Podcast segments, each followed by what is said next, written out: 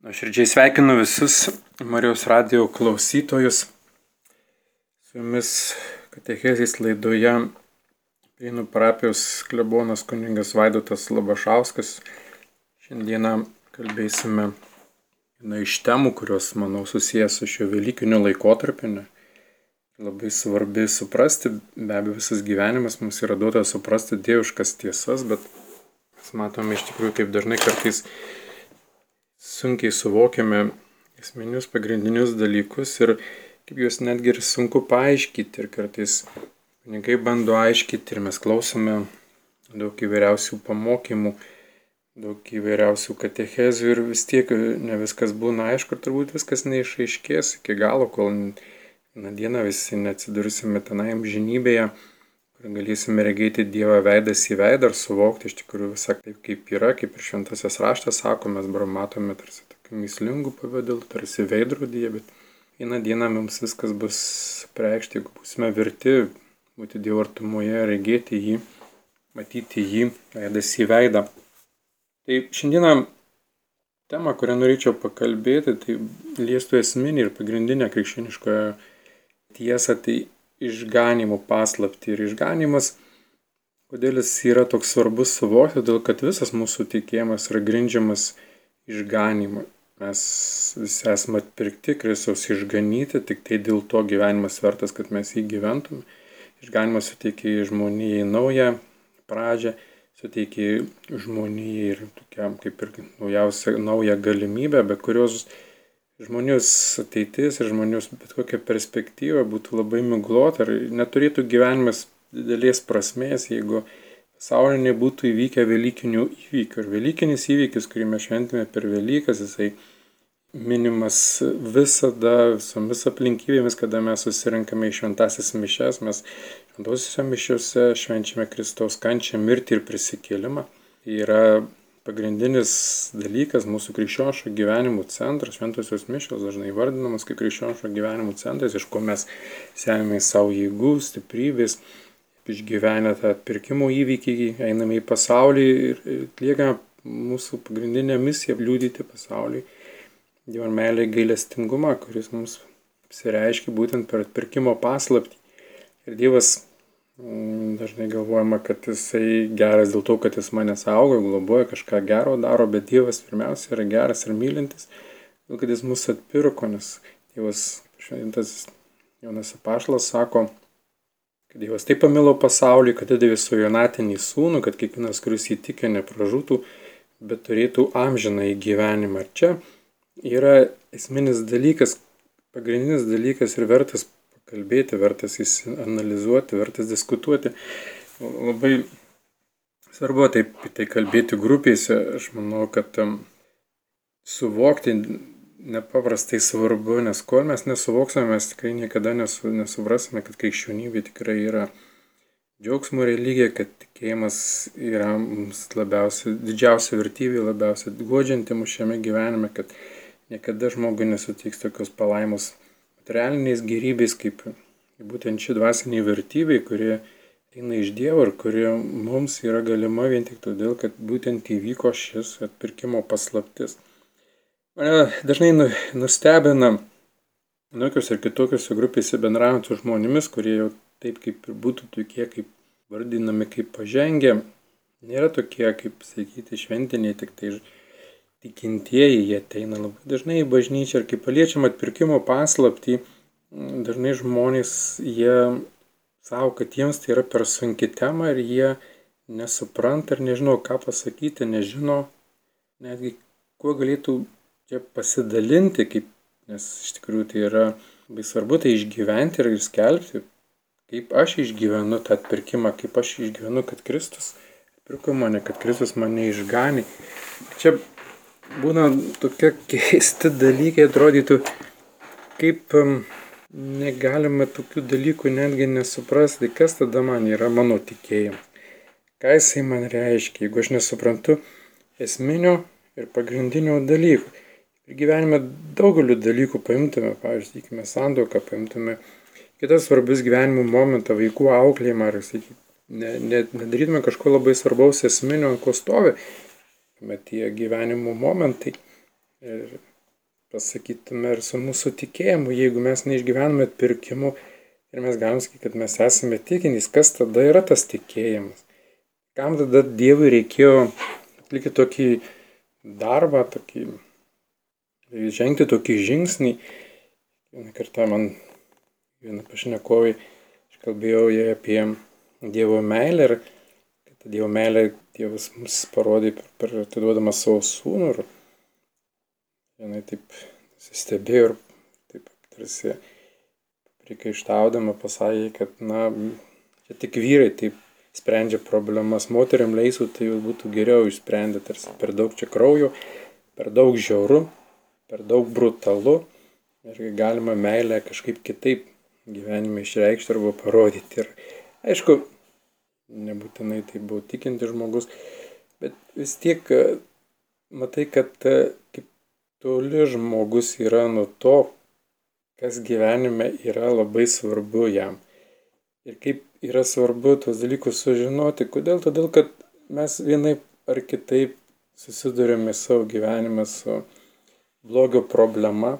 Blogis yra laikas šalia mūsų tos dramos, kurios vyksta mūsų gyvenime, jos neišvengiamas, anksčiau ir vėliau jos ateis ir žmonės turi daug įvairiausių nuoskaudų, daug jie kenčia, daug gyvenimo patiria visokiausių blogybių. Ir kai tu matai tą bedalio žmogaus gyvenimą, aišku, neišskiriant ir savęs iš to, tu matai, kaip jam labai reikalingas išgelbėjimas, kaip jam labai reikalingas atpirkimas. Jis toks yra prispaustas gyvenimo vargų ir rūpeščių ir nėra žmogaus, kurio tiesiogiai nepaliestų nuopolio pasiekmės, dėl ko atsirado pasaulyje blogis ir nebūtų svarbus ir reikalingas atpirkimas, nes aš manau, kad žmogus, pradedant su sekuliariu humanizmu, daro tą pačią klaidą, galvodamas, kad žmogus yra pakankamas, save išgelbėti, žmogus pakankamas, yra savyje susikurti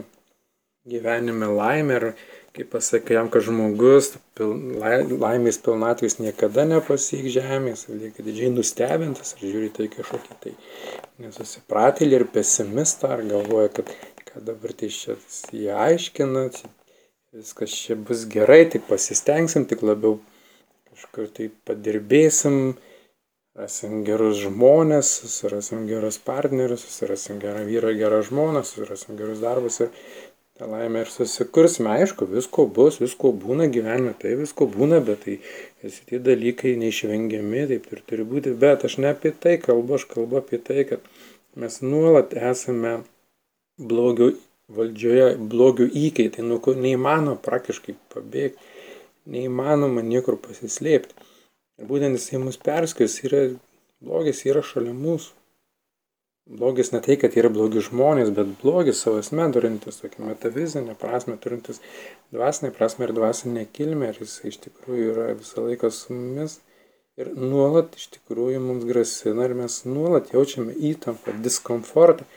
Nereikia čia daug nei filosofuoti, nei daug aiškinti, mes visi išgyvename nuolat, nuolat pasaulyje samas blogio pasiekmes ir žmonė nuolat grumėsi su jomis keisdama santvarkas, griežtindama įstatymus, bausmes, ieškodama įvairiausių tobulesnių būdų, bet turbūt baisiausias dalykas, kad neigia pačią esmę, blogio atsiradimo esmę, prigimti, dėl ko ir nėra, negalima rasti tinkamos pagalbos arba kas galėtų mums deramai padėti, kad mes bent turėtume viltį, kad nesame šio gyvenimo ir šio pasaulio bedalį.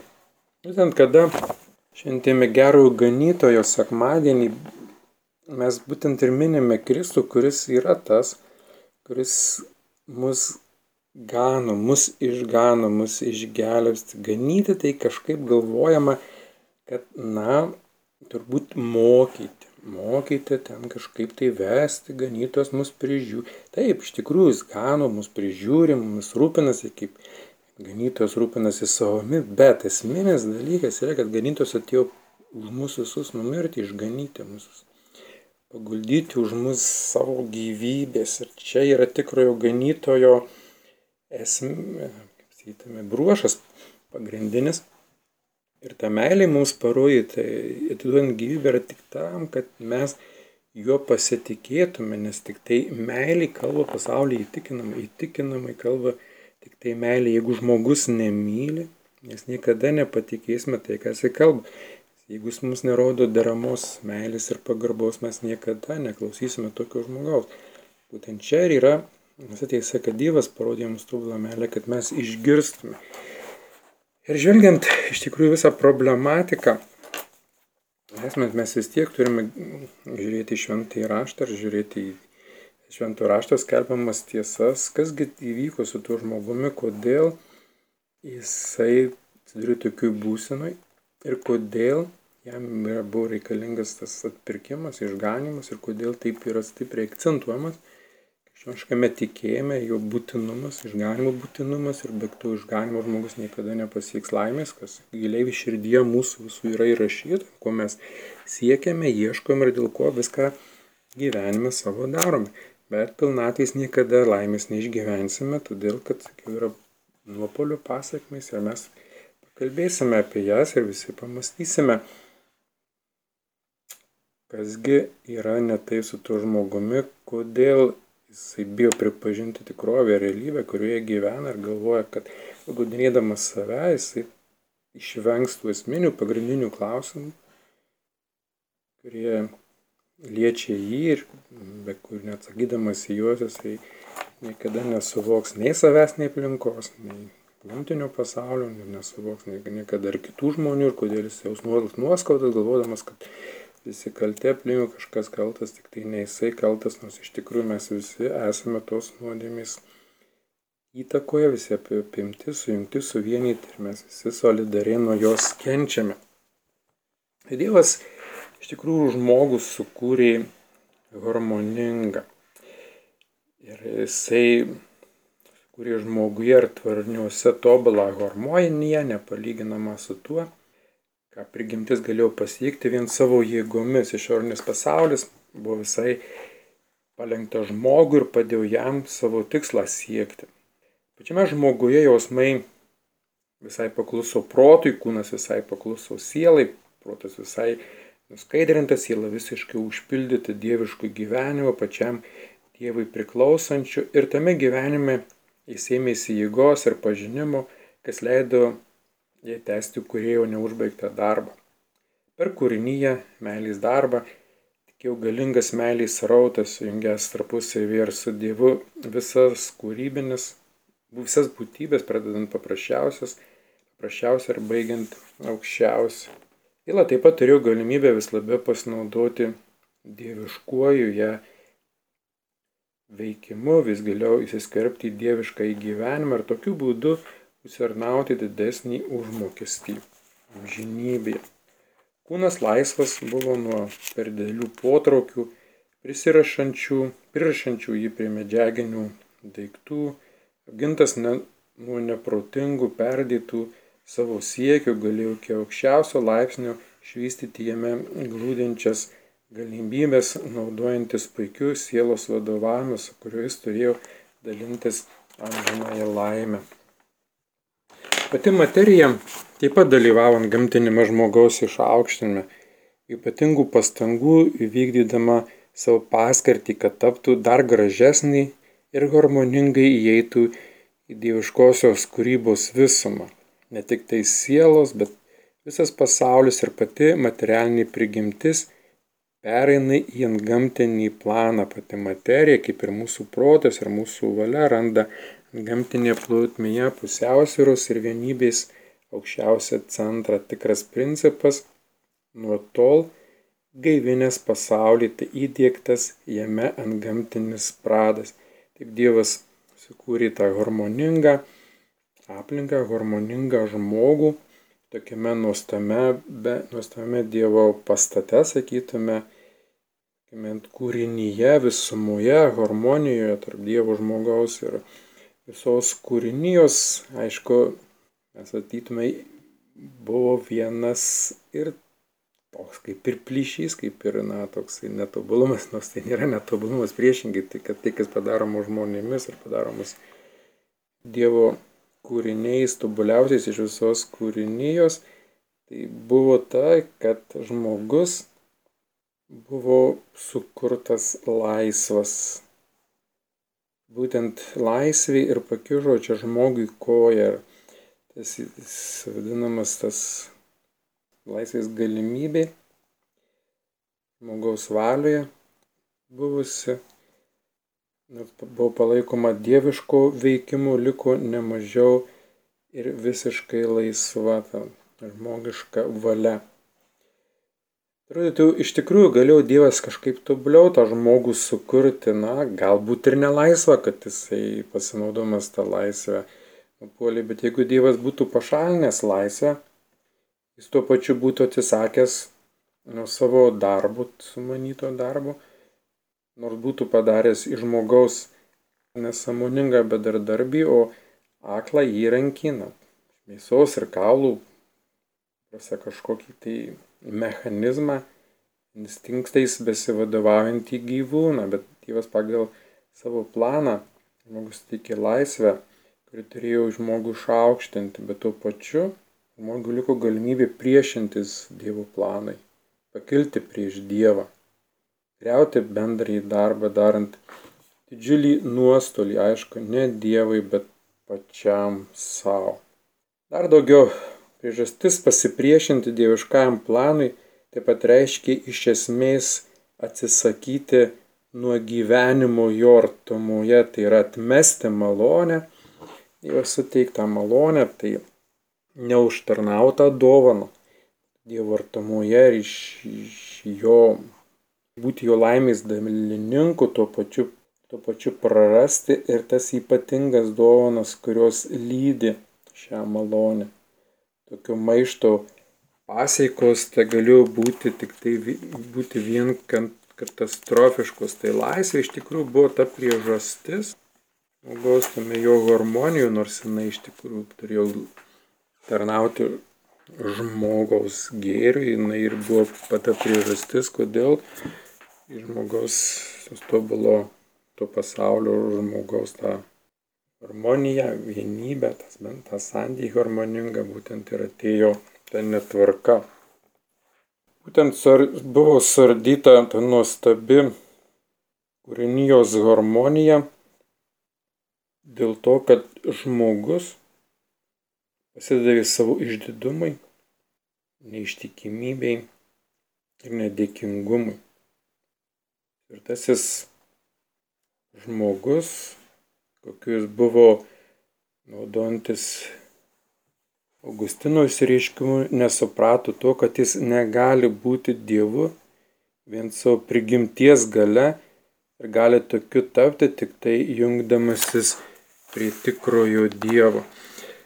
Mes visi gerai žinome tą pirmą pradžios knygos istoriją, kad tosios dvasios gundimas neklausyti Dievo arba nepaklusti Dievui, na, nereikėtų taip labai primityviai galbūt suvokti, įsivaizduoti, kad žmogus tarsi suvalgė uždraustą vaisių, Dievui kažko buvo gaila, ne, bet čia buvo, yra dalykų, kurių, kuriuos Dievas rezervavęs savo yra ir kad kaip kūrinėje nepaėgi tų dalykų na, pasisavinti, nes kaip kūrinys žmogus nepajėgus yra pasisavinti jų arba pretenduoti juos, nes jis yra nepajėgus jais, na, kaip disponuoti, tik tai Dievas ir būtent Dievas drausdamas nenorėjo žmogų blogo padaryti, bet norėjo žmogų uždrausti kažką arba kažko jam buvo gaila, bet kad apsaugotų žmogų nuo tam tikrų pasiekmių, bet taip pat, taip pat Dievas norėjo žmogų palikti laisvame pasirinkime, kad jisai galėtų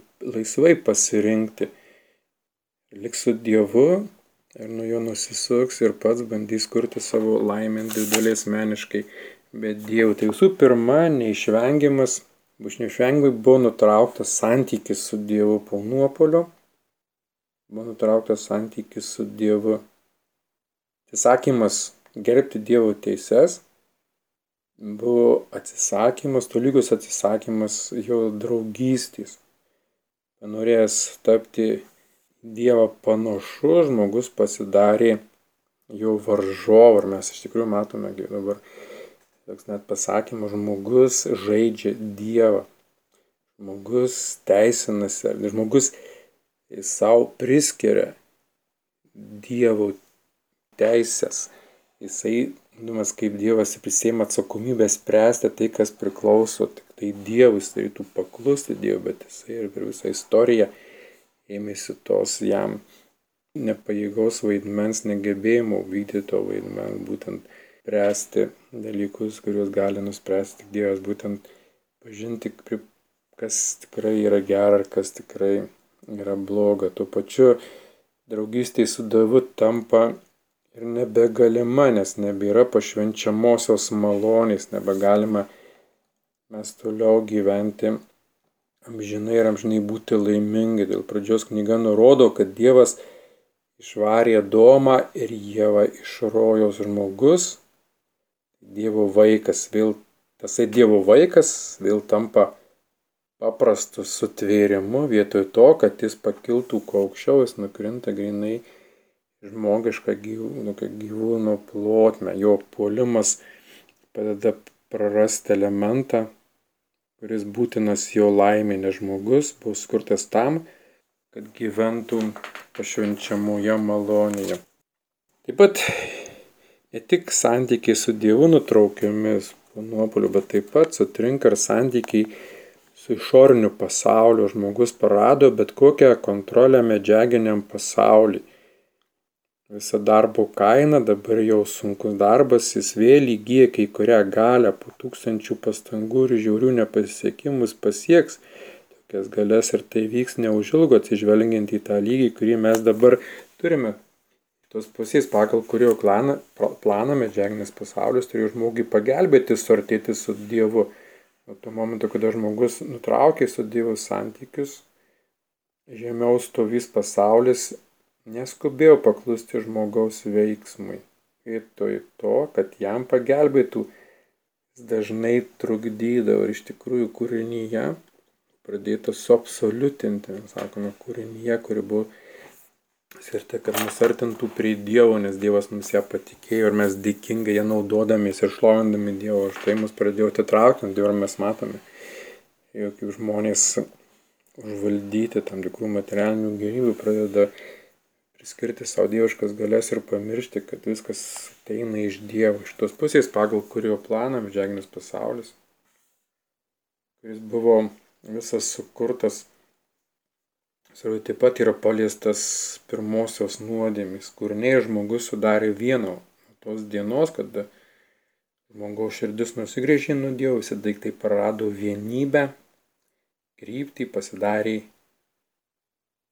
ne dengtų vertybių padėtie, pasidavė bet kokiam savivaliamui, bet kokiam sielos polinkiui. Pradžios knygoje ir pasakojama pakankamai aiškiai dėl tavęs bus prakeikta žemė. Dievas taip kalbėjo Domui, tai reiškia, žmogus visur susitiks pasipriešinimą ar turės sunkiai darbuotis, kad galėtų įsigyti tai, kas būtina gyvenimui ir pagaliau tai buvo taip pat pusiausvėros praradimas pačiame žmoguje. Santykis nutrūko su Dievu dėl nuopolio ir taip pat santykis buvo išoriniu pasauliu visas sutrikdytas ir pač pusiausvyrą žmogus parado pačiame savyje. Dalykas tame, kad pažinimo, bebaimiškumo ir kitos dovanos buvo surištos su malonė, kada malonė buvo prarasta, dingo ir visos dovanos. Žmogaus kūnas tapo palengtas kančiai ir mirčiai. Jam tenka visą laiką gintis nuo medžiaginio pasaulio ir anksčiau ir vėliau neišvengti mirties. Ir Dievas paskelbė tą bausmę.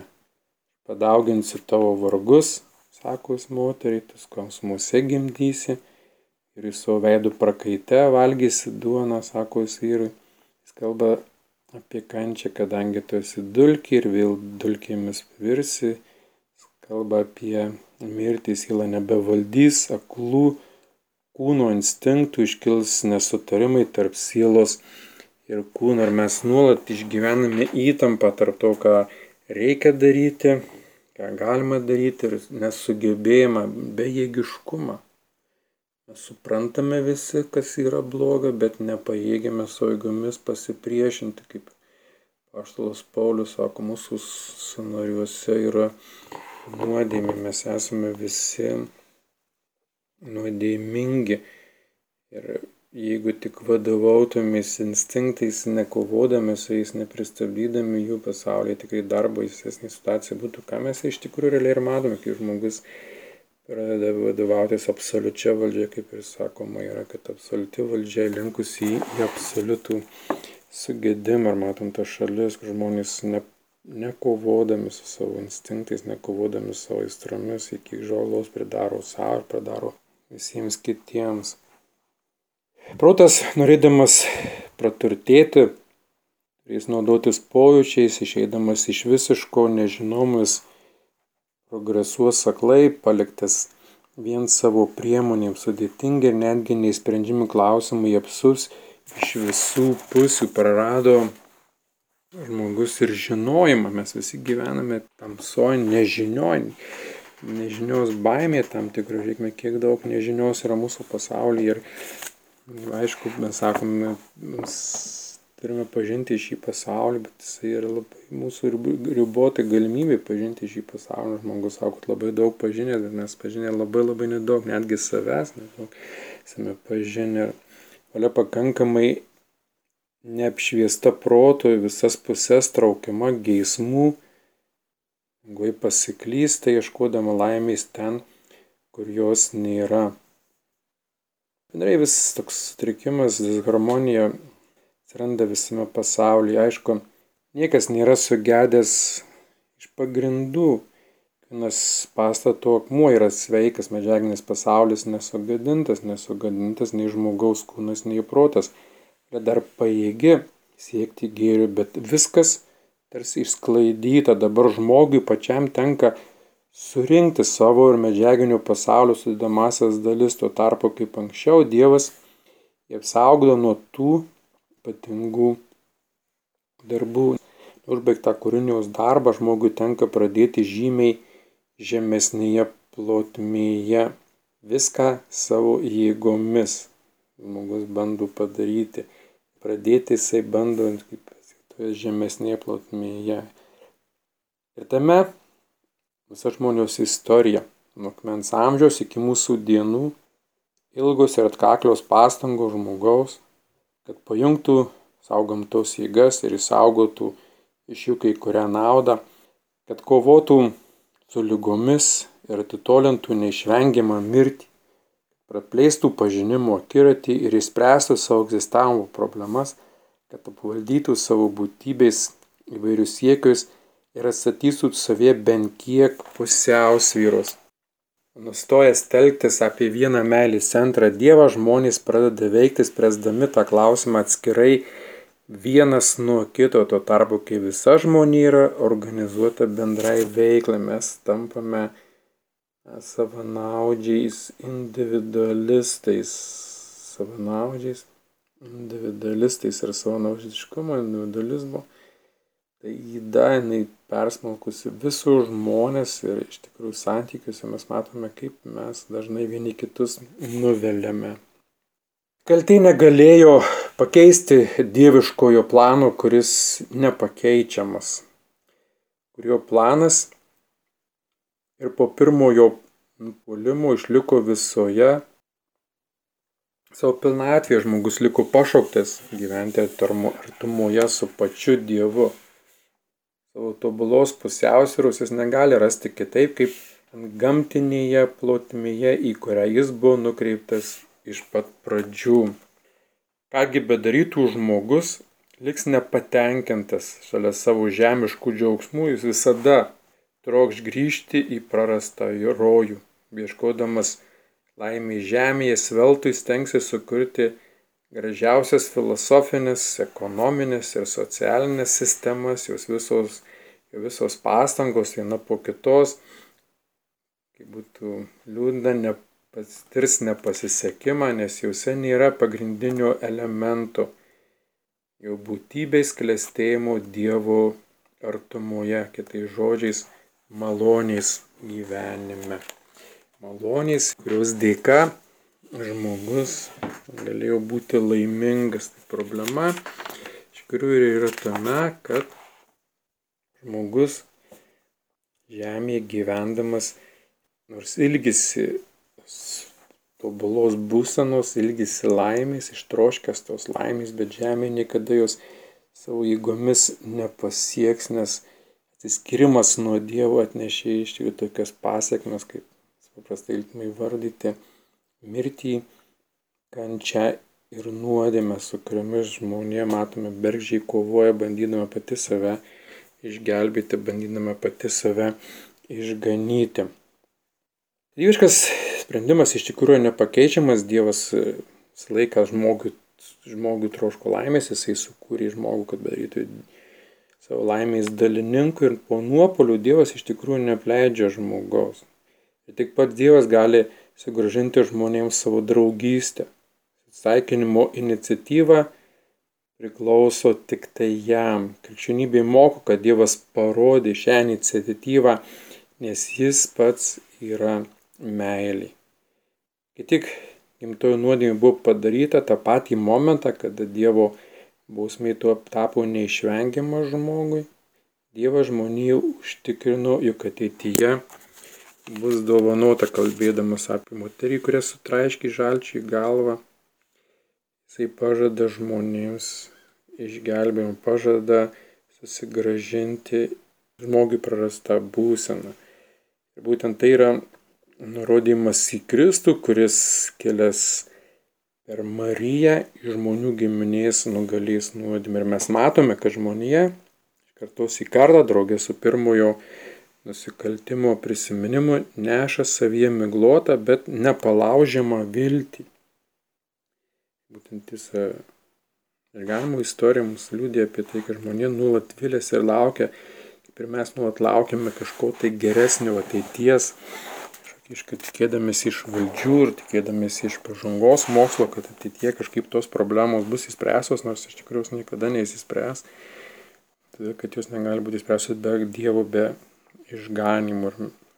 Ir atpirkimo pažadas nesikį buvo jau pakartotas per patriarchus ir pranašus ir vieno dieviško žodžio, vien jo palankaus ženklo užtektų, kad mes pajustume, jog mums bus atleista, bet Dievas paruošė išganimo planą, per kurį mus visus būtent ir kviečia išganimą ir būtent veda išganimą per išganimo istoriją. Faktiškai Dievas pagal krikščionišką mokslą nusprendė tai padaryti kitaip nei mes įsivaizdavome. Panoro išrinkti tokias priemonės, kokių žmogus negalėjo net įsivaizduoti, gražinti žmonėms dievišką į gyvenimą per Jėzų Kristų. Tikrąjį Dievą ar tikrąjį žmogų per įsikūnimo paslaptį, per jo kančią ir mirtį Dievas tarsi nusprendė. Aš viską padariau, kad išaukštinčiau žmogų iki savęs ir tuo aprūpinčiau jį laimę žemėje ir amžinybės. Nusigrėžino mane žmogus. Aš vėl naujai meilę pareikščiau, jeigu jis nepanorų pakilti iki manęs, tai aš nusileisiu iki jo ir pasidarysiu panašus į jį norėjau jį sudievinti, bet jis atmetė mano pasiūlymą. Pasidariau žmogumi vargšu, pažemintu, kenčiančiu, kad jis matytų, jog aš esu meilė.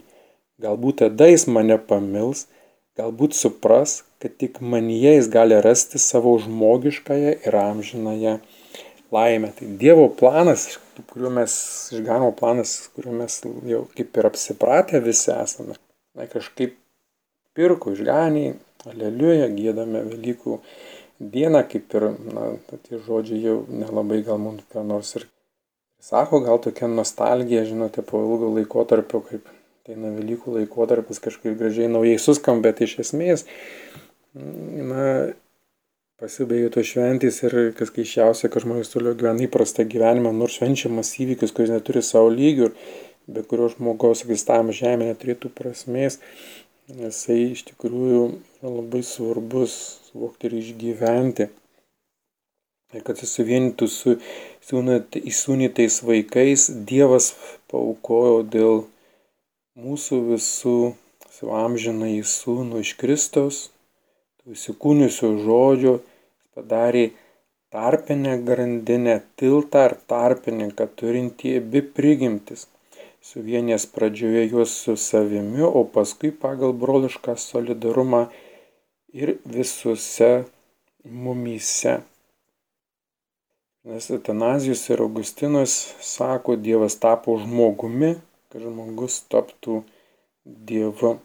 Suprantama, kad toks nuostabus sprendimas pradžioje mums, mus veda į skepticizmą. Visos kitos religijos, atrodo, galimosios tik savo paskirtimi viršė tas nu, natūrales paslaptis, kurios mūsų supa, o dieviškoji paslaptis atrodo prašoka visas sveiko proto ribas. Paslaptis Dievo tapusio žmogum, kankinto, jos sutvertų būtybių, numirusių ant kryžiaus kaip piktadario, bet to žinant, kad šis aukščiausios meilės aktas daugelį bus ne tik bevaisis, bet taps pajokos objektu. Tai iš tikrųjų Dievas darė nuostabų darbą dėl mūsų visų pirkimų, išganimų darbą atliko, bet iš dalies, na, ne visų liko pastebėtas ir ne visų liko įvertintas gal ir teisingai.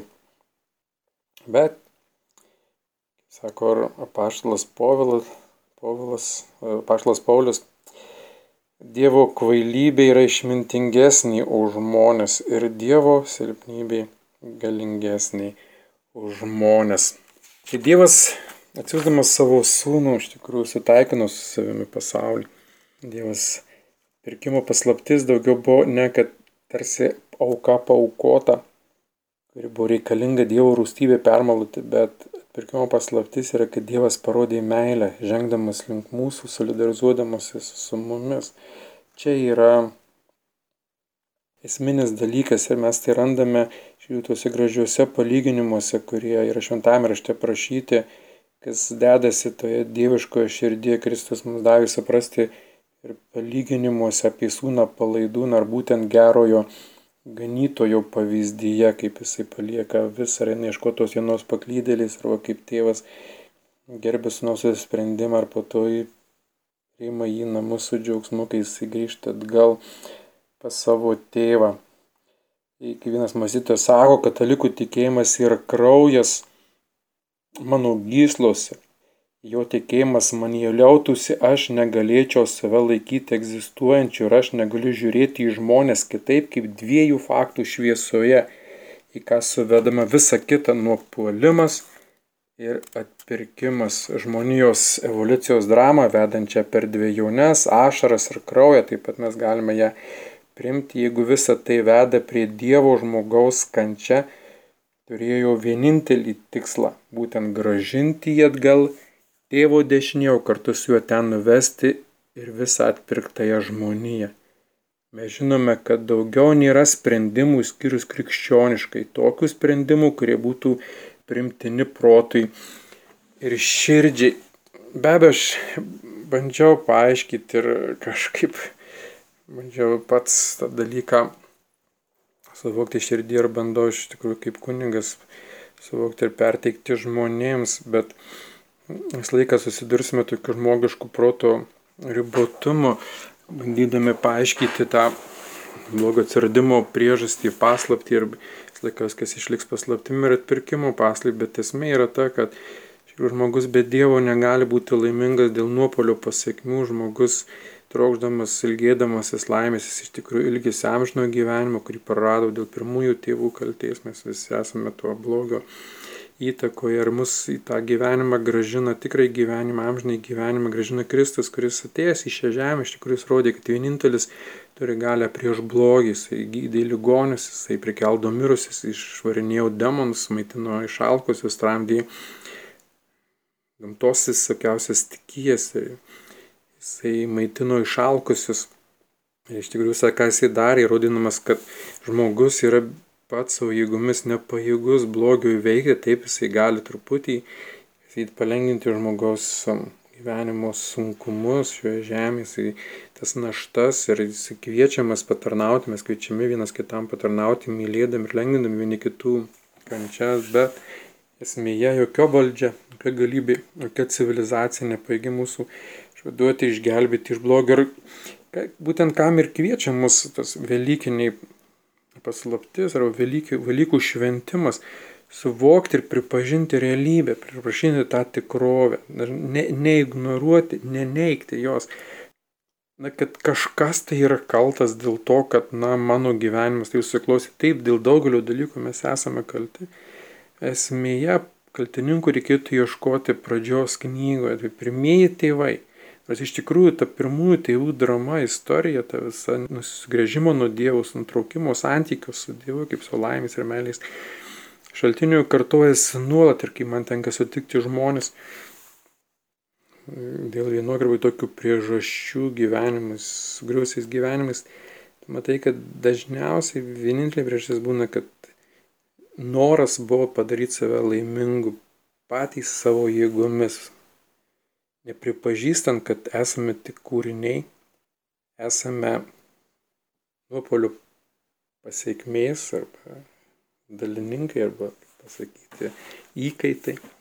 Ir kad niekas kitas mūsų neišgelbės iš to tik tai Dievas, kuris tą veiksmą, būtent tą darbą yra jau atlikęs, tik tai liek belieka jį priimti, juo gyventi, juo viltis ir laukti tai, kas iš tikrųjų skirta mus pagal prigimtį - regėti Dievą amžinybėje, veidas į veidą. Amen. Su jumis pravedė katechezę kuningas Vaidotas Labašauskas prienų parapijos klebonas. Gerbėjai Jėzui Kristui.